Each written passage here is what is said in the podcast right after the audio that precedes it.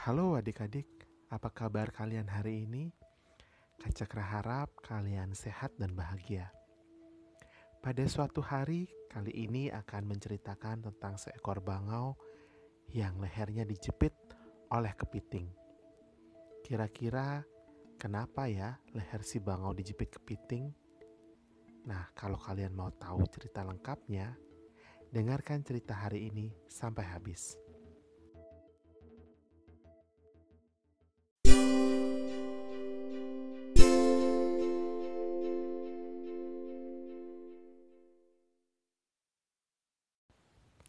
Zaman dahulu ada sebuah kolam yang sangat cantik. Ditumbuhi oleh banyak sekali teratai yang berwarna putih. Karena banyaknya teratai putih atau kemuda di kolam itu, kolam itu kemudian diberi nama Kolam Kemudawati. Di kolam Kemudawati ada berbagai macam jenis ikan. Ada ikan emas, ikan nila, mujair, dan masih banyak lagi ikan air tawar yang menghuni kolam itu. Selain itu, ada juga seekor kepiting yang sudah lama menghuni kolam. Kepiting ini sudah menghabiskan sepanjang hidupnya di kolam. Selama bertahun-tahun, penghuni kolam Kumudawati biasanya diburu oleh seekor bangau. Pada pagi atau siang hari biasanya sang bangau datang untuk mencari ikan-ikan yang bisa ia makan. Para penghuni kolam pun sudah hafal dengan kegiatan si bangau sehingga pada saat si bangau akan datang mereka akan bersembunyi di balik daun-daun teratai ataupun di bawah batu. Hingga beberapa hari belakangan ini tidak sekalipun mereka melihat si bangau. Kemudian dengan tiba-tiba si bangau datang ke pinggir kolam dengan penampilan yang sangat berbeda. Dia terlihat sangat alim. Tutur kata maupun gerak-geriknya sudah sangat jauh berubah.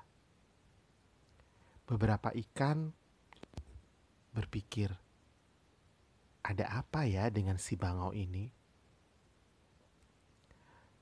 Beberapa dari mereka memberanikan diri untuk keluar dari persembunyian dan berenang-renang di dekat si bangau. Tapi si bangau seolah-olah mengacukan mereka. Tidak sekalipun si bangau melihat ikan-ikan itu atau berusaha untuk mematuknya. Lama-kelamaan, hampir semua ikan berani keluar dari persembunyian mereka dan berenang-renang dengan bebas di kolam meskipun ada si bangau. Melihat perubahan si bangau yang demikian drastisnya, si kepiting tua pun bertanya-tanya, apa ya yang terjadi dengan si bangau? Maka dengan memberanikan diri, si kepiting tua lalu bertanya pada si bangau, Hai bangau, Aku heran dengan kamu. Kenapa sih kamu jadi berubah seperti ini? Kamu sudah tidak memburu ikan lagi. Begitu banyak ada ikan-ikan yang berenang di sekitarmu, tapi kok sepertinya kamu tidak tidak menghiraukan mereka. Si bangau dengan wajah yang sangat tenang, tutur bahasa yang sangat tertata, kemudian berbicara kepada si kepiting. Hai kepiting, tahukah kamu, beberapa bulan belakangan ini aku sudah tidak ke sini karena aku berguru pada seorang yang alim. Dan dia telah menyadarkanku bahwa memakan ikan-ikan yang ada di kolam ini adalah perbuatan yang sangat berdosa. Karena itu, mulai saat ini aku tidak akan memakan ikan lagi. Aku di sini akan membimbing kalian untuk menjauhi dosa-dosa dan belajar mendekatkan diri dengan Tuhan, kata si bangau. Sekepiting lalu menjawab, Wah, kalau begitu bagus sekali. Kami semua akan menjadi murid-muridmu.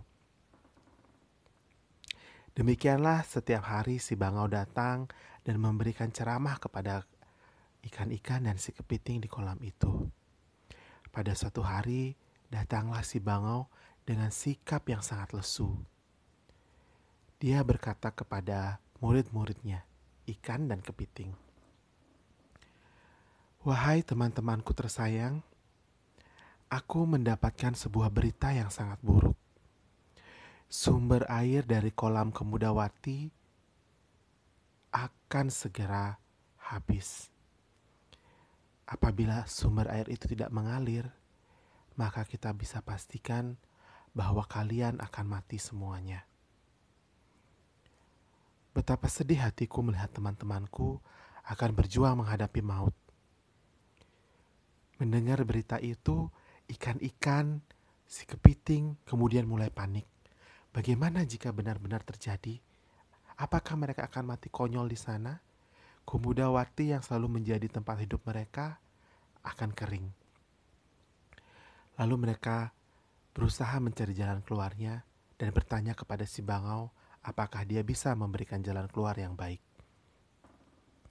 Si bangau kemudian berkata, Sahabat-sahabatku, di balik gunung yang ada di sebelah utara, ada sebuah kolam yang tidak kalah cantiknya dengan Kumudawati ada banyak sekali pohon-pohon lotus dan teratai yang bisa kalian jadikan tempat berteduh.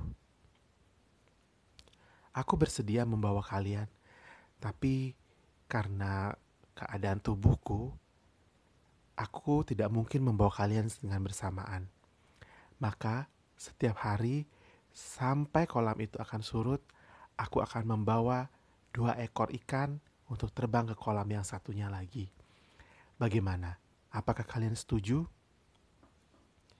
Penghuni kolam pun merasa tidak ada pilihan lain dan mereka setuju dengan perkataan si bangau. Mulai keesokan harinya, bangau datang pada pagi hari, kemudian mengambil seekor ikan dan diterbangkan menuju kolam yang dikatakan oleh si bangau.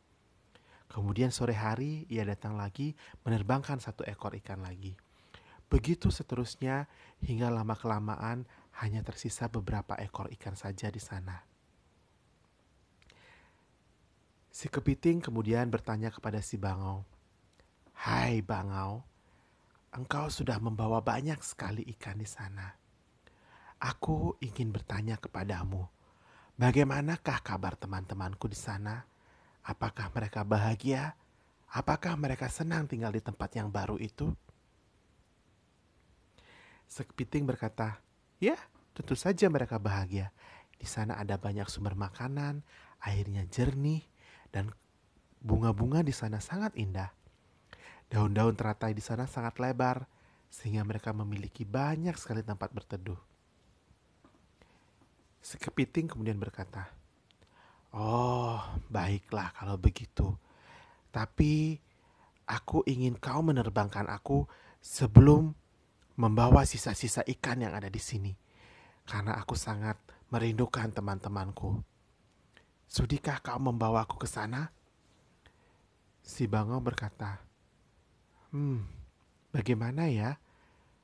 Sepertinya aku harus menerbangkan dulu ikan-ikan tersebut. Kamu kan kepiting. Kamu bisa hidup di tempat yang agak kering. Kalaupun telaga ini akan kering, kamu masih bisa bertahan dan aku akan membawamu.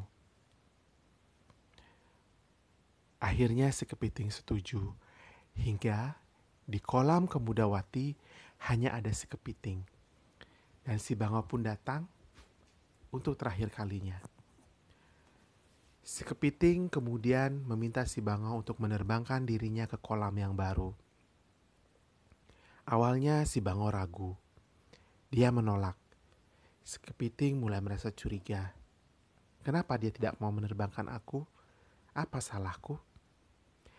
Tapi dengan segala rayuan-rayuannya, si kepiting berhasil membuat si bangau untuk menerbangkan dirinya. Bangau lalu membawa si kepiting di punggungnya. Si kepiting karena takut terjatuh, memegang leher bangau dengan kedua capitnya. Mereka pun terbang tinggi ke angkasa, melalui sebuah gunung dan pada saat itulah si kepiting melihat ke bawah. Dilihatlah sebuah batu datar yang sangat lebar dengan tulang-tulang ikan yang berserakan di sana. Dan ia pun sadar bahwa si bangau selama ini menipu mereka. Ikan-ikan yang diterbangkan oleh si bangau untuk dibawa ke kolam berikutnya tidak pernah sampai di kolam. Mereka mati menjadi santapan bangau di batu yang sangat lebar itu. Kepiting pun mengeratkan pegangannya pada leher si bangau. Bangau, apa itu di sana? Kenapa aku melihat banyak tulang ikan? Si bangau berkata, Oh, tidak, tidak ada. Mungkin itu karena kau takut terbang, makanya kau gak bisa melihat dengan jelas. Kepiting kemudian mengeratkan lagi capitnya di leher si bangau. Kalau kau tidak mengaku, maka aku akan mencapit lehermu sampai putus. Akhirnya, karena putus asa lehernya dijepit, si bangau pun mengaku bahwa ikan-ikan yang ada di sana sudah dimakan olehnya di atas batu yang besar itu. Kepiting pun memaksa si bangau untuk mengembalikannya ke kolam Kemudawati. Tapi si bangau berusaha mengalihkan perhatian si kepiting dan berusaha menjatuhkannya. Lalu si bangau mencekik erat-erat leher si ke, si bangau dicekik lehernya erat-erat oleh si kepiting hingga lehernya putus dan tamatlah riwayat si bangau. Nah, adik-adik, itulah tadi cerita si bangau yang dijepit lehernya oleh kepiting. Cukup menyeramkan juga ya, cukup menyedihkan karena ternyata ikan-ikan itu diperdaya oleh si bangau. Nah, pelajaran apa yang bisa kita dapat dari dongeng ini? Yang pertama, tentunya kalian tidak boleh percaya begitu saja kepada orang. Meskipun orang itu terlihat baik, tapi belum tentu hatinya baik. Selain waspada, yang kedua, kalian juga harus bisa berpikir jernih. Harus bisa melihat suatu kejadian dari berbagai sisi. Dan kalau ada seorang yang memberitahu kalian sesuatu, kalian harus mencari dulu sumbernya agar tidak ada berita berita-berita bohong yang kalian percaya begitu saja. Jangan seperti ikan-ikan yang dikatakan bahwa kolam akan surut, mereka percaya begitu saja tanpa mencari kebenarannya. Adik-adik, sekian cerita hari ini. Semoga kalian senang mendengarnya. Sampai jumpa di lain cerita. Dadah.